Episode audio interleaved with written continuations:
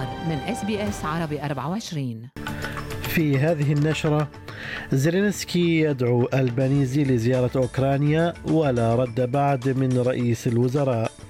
وزير الطاقة الفيدرالي يرجع أسباب أزمة الطاقة الحالية إلى السياسات الضعيفة للحكومات السابقة. والحكم على عضوين في حزب الله بالسجن مدى الحياة في إطار قضية اغتيال رئيس الوزراء اللبناني الأسبق رفيق الحريري.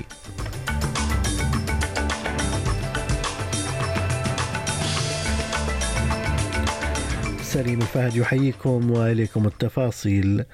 لم يتضح بعد إذا ما كان رئيس الوزراء أنتوني ألبانيزي سيلبي دعوة الرئيس الأوكراني فولوديمير زيلينسكي له بزيارة كييف. ومن المقرر أن ينضم ألبانيزي إلى زعماء العالم في قمة حلف شمال الأطلسي في مدريد نهاية الشهر الجاري ليمثل الحلفاء في آسيا الذين يتخذون إجراءات للرد على الغزو في أوكرانيا.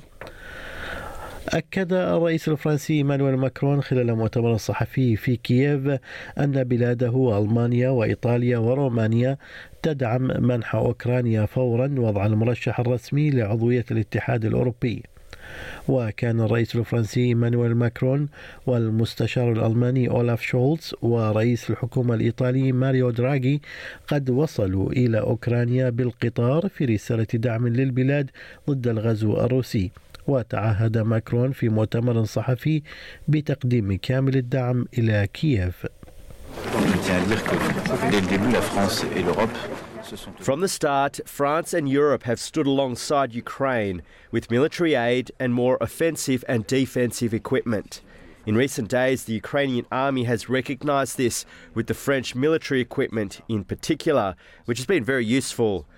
Then, through financial support, we began as Europeans to provide funding to rebuild these cities that were affected. من جانب آخر أعلنت موسكو أنها أدرجت 121 مواطنا أستراليا على قائمة العقوبات بينهم مسؤولون عسكريون ورجال أعمال وصحفيون وقالت وزارة الخارجية الروسية في بيان لها إن الأشخاص المدرجين على القائمة بمن فيهم قائد قوات الدفاع الجنرال أنجس كامبل والباحث في مجال الذكاء الصناعي توبي وولش ورئيس تحرير صحيفة The Australian كريستوفر دوري ممنوعون من دخول روسيا إلى أجل غير مسمى. يقول منظم الطاقة الأسترالي أنه حصل تحسن كبير في مدى معرفته بتوفر توليد الطاقة الكهربائية في البلاد.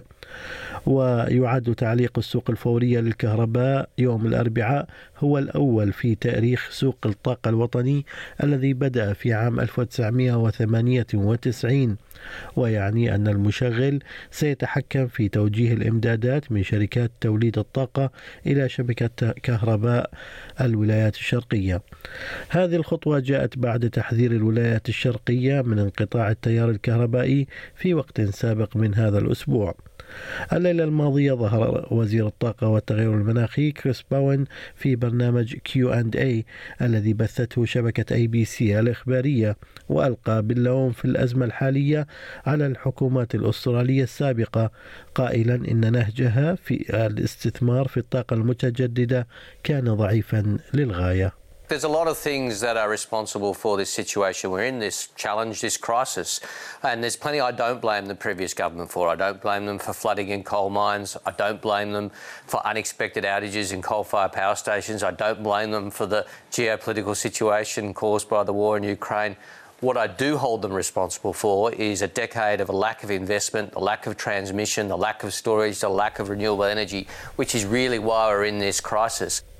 تعليقات باون جاءت بعد ساعات من تأكيد المعارضة الفيدرالية على أن المخاوف التي صارت هذا الأسبوع بشأن انقطاع التيار الكهربائي تسلط الضوء على الحاجة إلى المزيد من الطاقة التي تعمل بالغاز في أستراليا. وقال النائب الأحراري أنجس تايلر إن الحكومة العمالية التي تعارض توليد الكهرباء باستخدام غاز الفحم تحتاج إلى إعادة التفكير في موقفها. The problem we have in the East Coast grid right now is when the sun goes down in the evening. That's the time when Chris Bowen has asked people to turn out the lights. And that's the time when you need the gas generation, the dispatchable generation that is absolutely necessary, that we've been investing in, that they've never embraced. It's time for them to embrace it.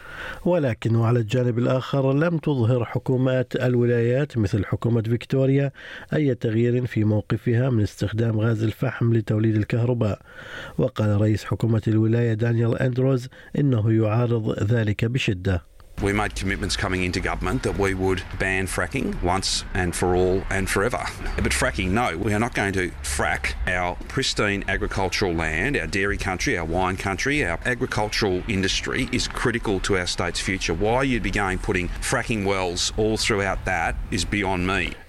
وكانت أستراليا قد أعلنت رسميا بالأمس التزامها بخفض الانبعاثات بنسبة 43% بحلول عام 2030 ووقع رئيس الوزراء انطوني ألبانيزي تعهدا للأمم المتحدة بزيادة التزام أستراليا الحالي بخفض بنسبة 26% إلى 28% وقالت مساعدة وزير التغير المناخي السيناتور جيني ماكاليستر إن هناك الكثير من الدعم لطموح أكبر فيما يخص مواجهة التغير المناخي. When I speak to young people in recent years, it has broken my heart to hear that they believe that the Australian government has failed them. That the Morrison government's failure to make any progress on ending the climate wars has imperilled their future.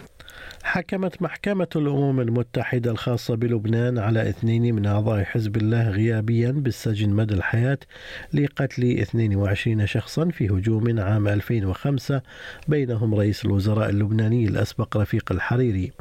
وأعلنت رئيسة المحكمة الخاصة بلبنان أن غرفة الاستئناف قررت بالإجماع الحكم على حبيب مرعي وحسين عنيسي بالسجن المؤبد وهي أقصى عقوبة ينص عليها النظام الأساسي للمحكمة. وقواعدها. تحدثت إحدى أفراد عائلة التاميل التي أصبحت الآن في بلدة بلاويلا بوسط كوينزلاند عن التحديات التي شهدتها العائلة خلال أربع سنوات قضتها قيد الاحتجاز وحصلت العائلة على تأشيرات مؤقتة من حكومة حزب العمال الجديدة وتأمل في الحصول على إقامة دائمة. وفي حديثها إلى البرنامج التاملي في أس بي أس قالت بريا نادسل ناتسلينغهام إن الاحتجاز أثر كثيرا على عائلتها.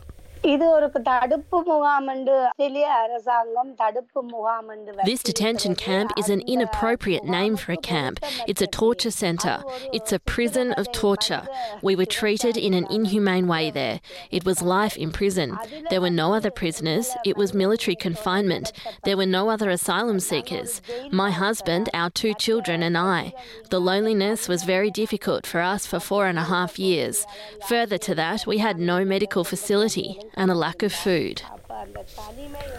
يرأس اليوم رئيس الوزراء أنتوني ألبانيزي أول اجتماع له مع قادة الولايات والمقاطعات وسيكون تمويل المستشفيات العامة على جدول أعمال الاجتماع اليوم خاصة وأن الولايات والمقاطعات تطالب الكومنولث بالمساهمة بحصة أكبر في التمويل ويقول رئيس الوزراء أنتوني ألبانيزي إنه مستعد للتفاوض محذرا في ذات الوقت من أن الموارد المالية لأستراليا تتعرض حاليا للضغط We inherit a trillion dollars of debt with not much to show from it uh, for from the former government.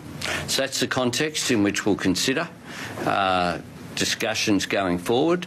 We're not in a position to do everything we would like to do immediately. في خبرنا الرياضي تأهلت التونسية أنس جابر المصنفة رابعا عالميا إلى الدور ربع النهائي لدورة برلين التحضيرية لبطولة ويمبلدون للتنس وذلك بعد فوزها على الأمريكية أليسا باركس في أسعار العملات بلغ سعر صرف الدولار الأسترالي 70 سنتا أمريكيا. أما حالة الطقس المتوقعة لهذا اليوم بيرث أمطار أقصى درجات الحرارة فيها 23 أدليد غائم جزئيا 16 ملبن أمطار تنحسر تدريجيا 15 هوبرت أمطار متفرقة 13 كامبرا غائم جزئيا 14 سيدني أمطار محتملة 19 بريسبن مشمس 22 وأخيرا داروين مشمس 33 درجة. كانت هذه نشرة الأخبار. قرأها على حضراتكم سليم الفهد من SBS عربي 24 شكرا لإصغائكم.